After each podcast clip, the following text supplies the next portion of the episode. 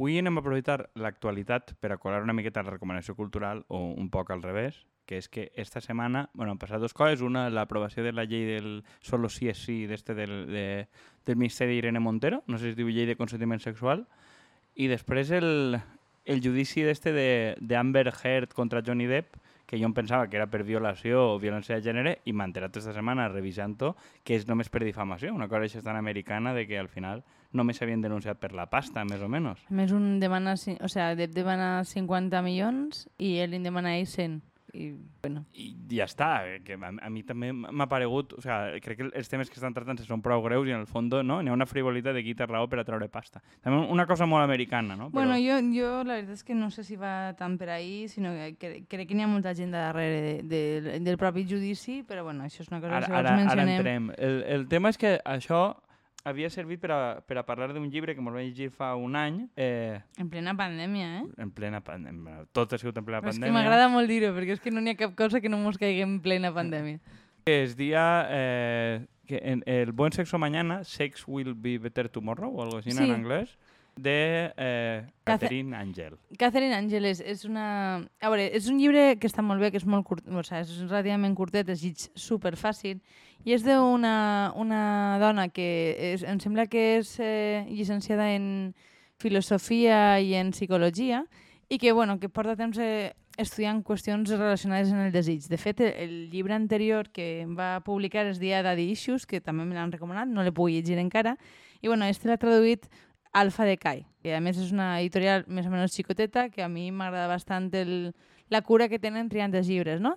I crec que va molt bé per a lo que anem a parlar perquè li pega una volteta al tema del consentiment. No des de o puritanisme o todo vale, sinó una qüestió de què implica el consentiment i, i quin perfil de responsabilitat implica per a la dona.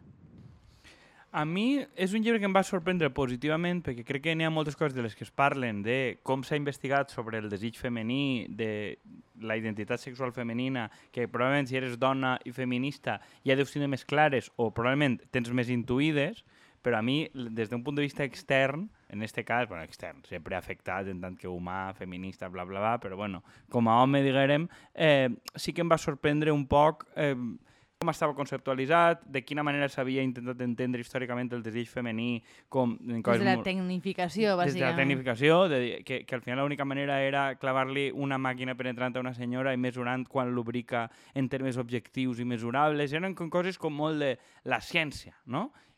La ciència partint de la idea que la, lo que et diga la dona no és fiable. És a dir, si una, que això comentaves tu abans que entraren, no? dir que si un home eh, diu que algo l'excita, ningú qüestiona que això siga cert, se li empalme o no. Sí, o sigui, Mentre que si una, un, si una dona lubrica, per exemple, si, si, ja es dona per fet que està excitada independentment de que ella pugui afirmar lo contrari, no? Lo qual ja crec que eh, t'explica una miqueta quin ha sigut l'enfocament de, de, de, de desig femení. Jo, òbviament, per una qüestió de que m'ha eh, de que m'afecta directament, sí que és una cosa que m'ha interessat, perquè a més és que jo crec, i crec que és a dir, a mi em feia molta por agafar aquest llibre, el, eh, perquè normalment eh, tot el que té que veure amb el sexe i les dones sempre s'enfoca des de lo moral, de si, si el concepte de puta, si, si determinades pràctiques són eh, en realitat patriarcat, que són enfocaments que a mi em fa molta gossera perquè penso que són excessivament simplistes de lo que és el sexe no? i el desig.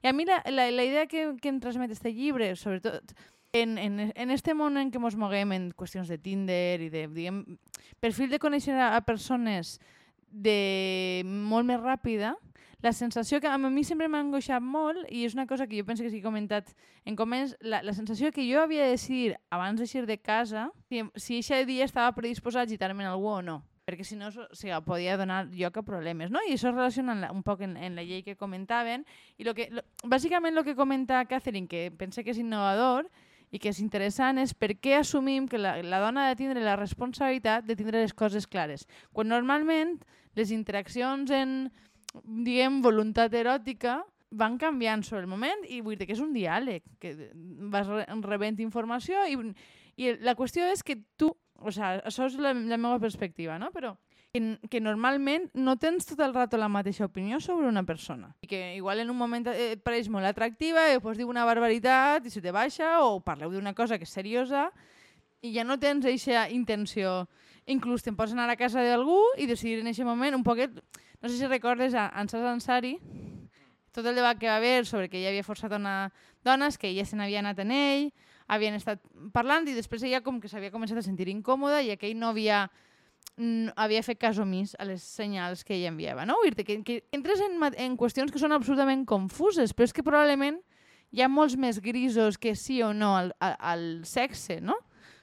Sí, a veure, jo crec que la cosa que, que em va agradar, primera, que gran part de la sexualitat femenina s'entenia com una espècie de servici, o sea, en, en, normalment com servici al senyor, o sigui, com a part de dins d'una relació de parella, etc. Com històricament s'havia concebut que era, era com una, el deure, no sé, com que no estava molt lluny del deure conjugal, com si fos religiós o tal, que gran part de la història això s'havia entès com a, mm, com a mínim la meitat de la sexualitat femenina, no? I de, i de com, com desmunta això i quin, quins implícits n'hi ha, de com funciona això per a la salut eh, relacional i companyia. I és com, crec que és algo com obvi, però alhora com te ho desenvolupa crec que ajuda a entendre molts implícits que n'hi ha. I la segona, el que dius tu del tema del consentiment i la idea de que les dones ho han de tindre clar. Primer aclariu-se i després dieu-mos, no? I diguem que la postura, n'hi ha una postura, diguem, fatxa d'hombre violador, que és com la manada, que, que diguem, respon a un arquetip que és real i que està al carrer, però en un altre com de progre de dir, bueno, pues jo no dic res, pues jo no faig res, que les dones s'aclarisquen antes, que les dones me ho diguen, no? Que em diguen lo que és... A dir, i això també entra en un tema que, que em sembla molt interessant. M'agradaria parlar també d'alguns de, dels perfils de desig que, que parla Catherine que em semblen interessants, no? Però que és una cosa que, a més, jo recordo fa uns mesos va haver un, un article en el Saldo que a mi em va escabrejar especialment, no? Vull dir que era una dona en tota la seva millor fe, però que defensava que a la gent en espais, diguem, autogestionats, pues, si un home havia, sigut, havia tingut una actitud eh, agressora, acosadora en dones, pues que n'hi havia que educar-lo. Dic, home, dic, eh, em va aparèixer una, una perspectiva absolutament violenta de dir, jo no puc fer-me càrrec de la meva pròpia incomoditat i del meu malestar, sinó que m'he de dedicar a fer cures tot el rato, no? Perquè pareix que d'una manera o altra la, la dona, la, la posició que té en el món i, en to, i especialment en tot el que tinga que veure el sexe, sempre és de serveis i de cures. Però crec que, que molta gent eh, i molts homes en tota la bona fe del món assumeixen que lo correcte és estar eh, eh, esperant a que li donen instruccions, no? I això és com... A mi em recorda una miqueta la qüestió de l'home en casa ajuda, no no és co-gestor. I això és una cosa que, que a mi m'agradaria pensar que hem superat i pareix que ens queda molt de camí sí, jo, jo el que recordo és que ella ho, ho englobava prou per ahir, no? O sigui, de, de que s'havia convertit en un element més de la càrrega mental de les dones.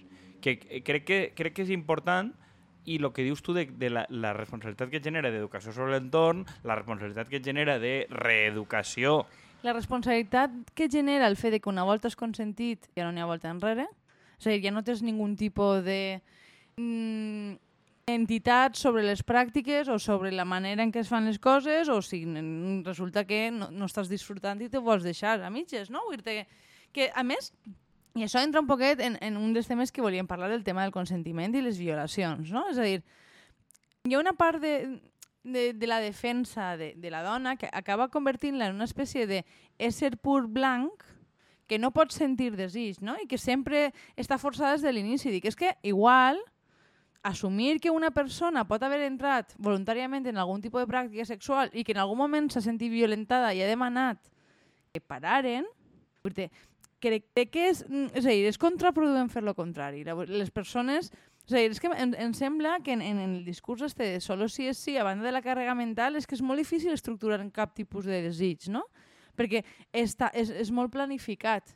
I, i, i saps damunt que si fas qualsevol cosa, a més, sempre tendiràs a no voler provar res. Ni a, ni a, o sigui, és un tipus de llenguatge que et posa molt a defensiva perquè qualsevol cosa que passe caurà sobre la teva consciència, en el fons. Claro, però és que crec que claro, tu has de preveure, perquè si no has de, d'alguna manera, jo el que entenc és que com a dona has de preveure tots els escenaris en què poden acabar violant i tu ser la culpable perquè el jutge i companyia, tu hagis d'anar i demostrar que tu mai en cap moment havies previst això, o sigui, si decidis gitar-te en més d'una persona, eh, t'arriscaves a la violació múltiple i, a més, encara que guanyes el judici, t'enfrontaràs un escarni, i jo crec que això tampoc acaba sent positiu en termes vitals ni per les dones ni per a ningú, perquè el, el tu obligues a una dona a anar a un judici a donar una versió que és absolutament inversemblant, com a que sempre... La uni... sempre que la, les agarren pel carrer... Les agarren pel carrer i, i, i els donen una pastilla, no? Això és irreal, no? I era com que les estadístiques... I, i les estadístiques sempre parlen de que les violacions es fan en el, la majoria en l'entorn més proper.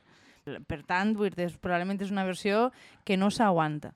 Clar, i, i, i això, jo crec que si, si una cosa d'estes no ajuda a, a entendre com funcionen les coses, a mi em recorda que ho vam parlar com la pel·lícula aquella de Guillem Agulló de quan, quan insistien, eh, quan parlaven del propi judici de Guillem Agulló, de dir no, ell no havia pogut tindre un bate i una cadena en casa perquè era un sant i no sé quantos. I és com dir, i, i a mi em fot l'implícit, que jo entenc que és un judici d'aquella època, de si aquest xicón té una navelleta o una, un, o una cadena en casa, justifica que l'assassinen. O sigui, anem ahí, hem de, hem de crear un sant per perquè si no és normal que li peguen unes punyalades? A, a, a banda és que el, el, el judici és abans i després, perquè és eh, assumir que la teva conducta no estava a l'altura de les circumstàncies i al mateix temps, a posteriori, a veure com et comportes. És a dir, si tu eixes d'un judici fotut i resulta que la setmana següent o en un mes o dos mesos o sis mesos després fas algo mínimament lúdic en la teva vida, és que era mentira, perquè evidentment no, no t'havia afectat tant. I home,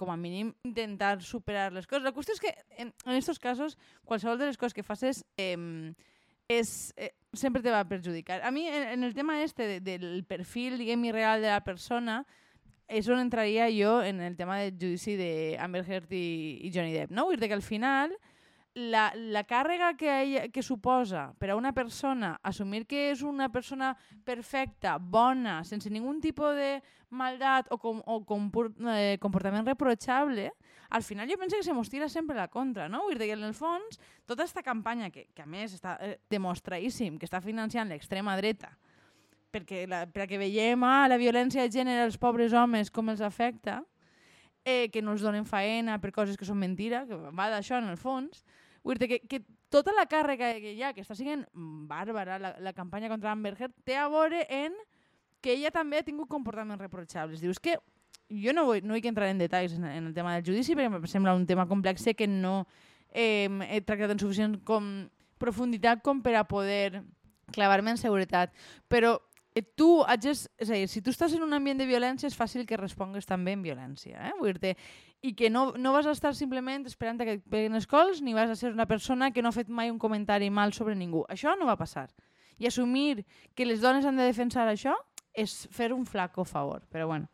Bueno, però és que crec que tu, també quan tu poses qualsevol legislació com la de violència de gènere eh, vas a generar disfuncions. O sigui, és precís i n'hi haurà elements d'injustícia, que és el que passa en Espanya. Vull, tot el món, tot advocat sap que la llei de violència de gènere es gasta com a estratègia perquè en un eh, cas de divorci eh, poder-se quedar en la casa i tindre més bases negociadores. Vull dir, això tothom sap que, que passa i s'usa com a estratègia. Que això passe i que genera una certa desigualtat i que la llei de violència de gènere, des d'un punt de vista garantista, o que n'hi hagi més penes si eres dona, no funciona, amb... jo és que assumís que no n'hi haurà una llei ideal, tampoc. I la qüestió és si protegeix més béns des que perjudica. No sé si m'explique. O sea... Sí, Wirde, jo d'ahir tinc molts dubtes, no? I probablement seria un tipus de, de debat, com sempre fem, que sempre fem aquesta jugarreta que després mos tiren en cara, per a un, o sea, per a un temps més ampli, que, que siga com es valoren aquestes coses. Jo tinc la meva postura en concreta sobre on hi ha que dedicar els esforços, quin tipus, quin tipus d'enfocaments a mi no m'agraden, però crec que cal mm, desenvolupar en més, en més profunditat. Però bueno, tornant un poquet al llibre, perquè jo pense que, que hi havia cosetes que a mi mm, m'aveia tractar més profundament del llibre, hi ha un, un perfil de desig que, a més, connecta a volta amb el tema de la violència de gènere, bueno, o sigui, sobretot en la violència sexual, que és eh, la quantitat d'homes que desitgen la idea de poder-te desvirgar, desvirgar, saps? La sensació de que volen eh, obligar-te a fer determinades pràctiques per a després rebutjar-te. Com ser el primer que fas a no sé quantos i, i per, co- en- entrem del sexe per a les dones com una, una espècie d'humiliació perquè s'assumís que ahir no n'hi ha desig. No? Vull dir que, que eh, com que es planteja en termes de servei, tu no ho fas per voluntat pròpia, sinó que són els altres que en, en, en, ma- en maganxes i en trampes t'han de portar al terreny del sexe. No? Dir, I ahir també o sigui, la major part d'estratègies de, de lligar d'homes que estan vinculades a aprofitar-se una dona quan està borratxa, com, hi ha moltes bromes i molts discursos sobre enganyar-la per portar-la a casa. No? Dir, perquè en el fons en, en, assumim inconscientment que no pot ser iniciativa d'ella fer un determinat tipus d'activitats. Bueno, però és que gran part de l'humor ranci i tal es basa en la idea d'esta de si a la dona li fa mal el cap, de que en matrimoni no folles, etc. O sea, que, que crec, crec que és una, o sea, crec que és una certa constant històrica i que a més ho hem acceptat, crec que inclús moltes dones com a moneda de canvi normal.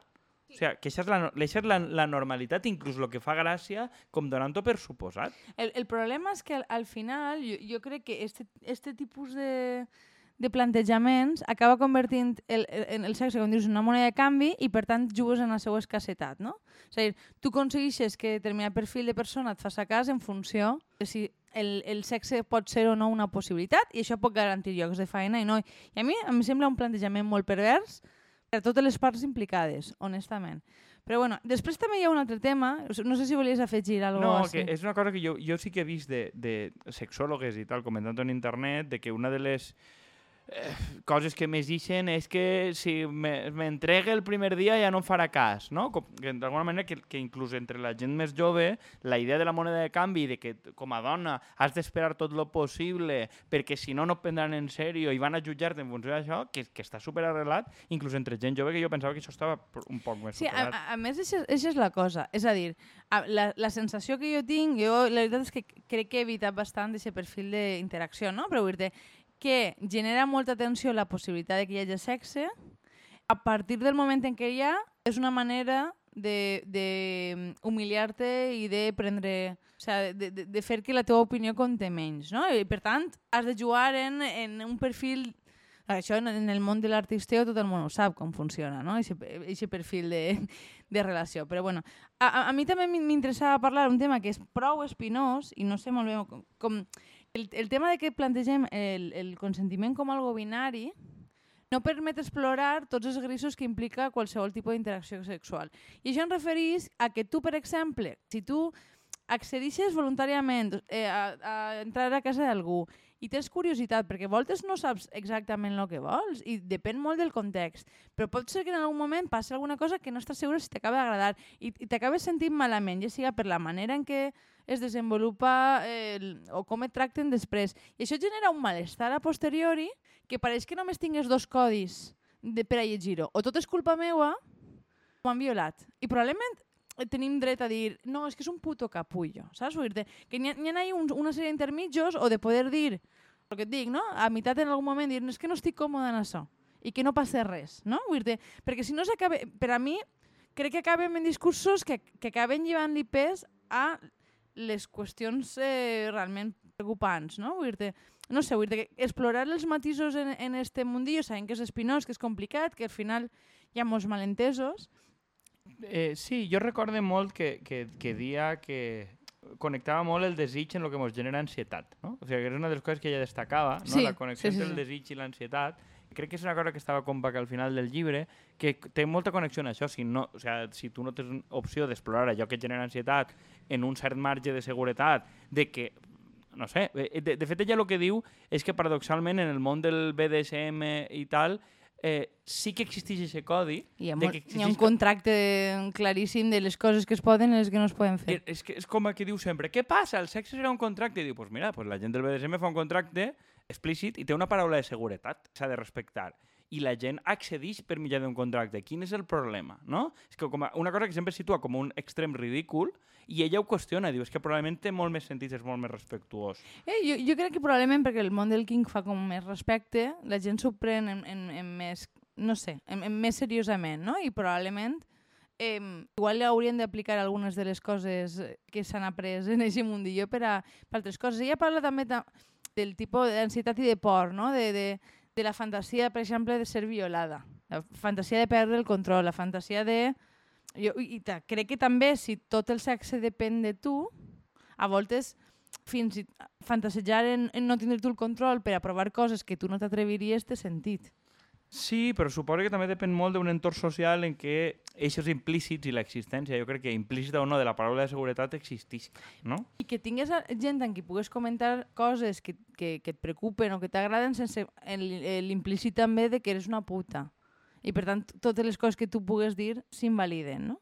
Ja et dic, perquè és que pareix que la idea del desig no mos siga pròpia. I, i, i al mateix temps crec que no, jo no necessito fer una idea de... És a dir, jo no penso que hi hagi un desig femení i un masculí necessàriament, però vull dir tampoc necessite passar-me a l'altre plano de follar per ansietat en qui siga i com a premi, vull dir que tampoc és un objectiu desvincular en certa emocionalitat del sexe, no? Vull dir que cre crec que, eh, crec que hi ha moltes coses interessants a explorar i que, um, no sé, crec, crec que eh, simplificant els termes no estem ajudant al, al buen sexo mañana, d'alguna manera. No, a mi em va agradar i em va tocar que de, de forma molt lateral sí que tocava la qüestió masculina, no? I tot el que es donava per implícit com a home, no? Que l'home que l'home funciona lineal, linealment, que sempre li ha d'haver llir, eh, i com ha de funcionar, no? I que, que tot també estava construït, la dona és reactiva perquè l'home sempre vol. I, i no, o sea, no es plantejava la idea, o sea, com a que, que en eixa eh, responsabilitat sempre existia la idea de que era l'home sempre que he tingut que portar la iniciativa perquè era molt més previsible I, no, i això és curiós, no? Perquè parla de que està molt assumit que, que el desig femení és molt canviant, però que el, el de l'home és constant, no? Vull dir que al final, passe el que passe, no, tu no pots tindre un mal dia, sempre vas a voler follar, i de fet, bueno, els xistes sempre, en això són recurrents també, no? L'home sempre disposat, en qualsevol... Encara que estigui dormint, si la dona li diu follem, es desperta de... Sí, però a més això és el discurs públic i el tema és que si tu eh, entres, o sea, en els raros casos en què els homes es parlen d'aixes coses, sí que dones compte que n'hi ha molta més gent. Jo diria que una majoria que no tenen aquest tipus de desig lineal. Però en públic el, el discurs és sempre el contrari i va molt en la línia del mainstream. O sigui, que és una cosa que jo m'he donat compte que necessites rascar molt profund perquè la gent reconegui els propis homes que tampoc es reconeixen en el discurs que n'hi ha. Evidentment no és un problema tan acusant com en la dona. No, i, i, I quant de problema de parella també hi ha en el fet de no tindre un desig constant, no? I no segurament e- és algo problemàtic, tenint en compte. I això és una cosa que, bueno, es- es- està mirant també eh, un reality sobre compromís, o sea, sobre matrimonis i Un tal. reality sobre compromís de, de, de, de punts suspensius. No, sobre, so, o sea, sobre, està traduint literalment, o sigui, de, de matrimonis, és un ultimàtum de matrimonis, no? Dir-te, I la, esta necessitat de que tot siga intens tot el rato i per tant la, la teva parella mai va estar a l'altura d'una persona que acabes de conèixer fa dues setmanes si el que valores la intensitat, no? Pues lo mateix en el desig sexual, no? Vull dir que probablement és una cosa que va variant en el temps i té sentit. Hem, hem, estem fent un programa bastant de consultori eh, afectivo Que és, sexual. que és un dels projectes que este programa volia enllaçar al, principi i que a veure si apareix per la pròxima A temporada. veure, la, la meva intenció a veure si vos pareix bé. Si vos pareix bé, enviemos un missatge a, no sé, el telèfon del eh, el, programa. telèfon, el telèfon està en el Twitter i tal. Bueno, està en algun Tampoc que siguem experts, però bueno, Però si voleu... la, este- meua, la meva idea, a veure què vos pareix, és fer un curioscat, perquè, mos, perquè jo sé que la gent després és, és una miqueta eh, eh, quisquillosa en, la, en termes de privacitat, que, que envieu anònimament què vos passa i jo pues, pues vos ho comente. Ni per què saber qui, qui és, ni hem de distorsionar la veu, ni res. Jo sé que al final totes seran declaracions d'amor cap a la meva persona, però bueno, jo vos dic que si vos passen altres coses en la vida també me les puc contar. i Existeix el vos... risc de que conteste jo, inclús el becari, però bueno. Exactament. No, però vull No dir que, que intentem, intentarem fer vídeos curtets reaccionant a aquestes coses i donant consells perquè opinions tenim per a tots Però bien els que avui no anem a dir res estratègic i ja està. Ja hem decidit estratègicament eh, com funciona això. Hem decidit el què? Ja, està, ja tenim un, un consultori muntat i curioscat i que anem a contestar en vídeo. O sigui, això ha ha aparegut estructurat i articulat davant, com un artista que té la il·luminació. Eh, David Ha- veu el Miquel Àngel ha sigut- ha i sigut sobrevingut, Ja, ha ha, ja ho has vist escolpit en el marbre de l'ordenador. Perfecte, pues ja, ja tenim model, mireu. Perfecte. Bueno, bé, així ho deixem. Fins a la pròxima. Fins a la pròxima, ja sabeu el que heu de fer. Adeu. Si vols, ho tallo.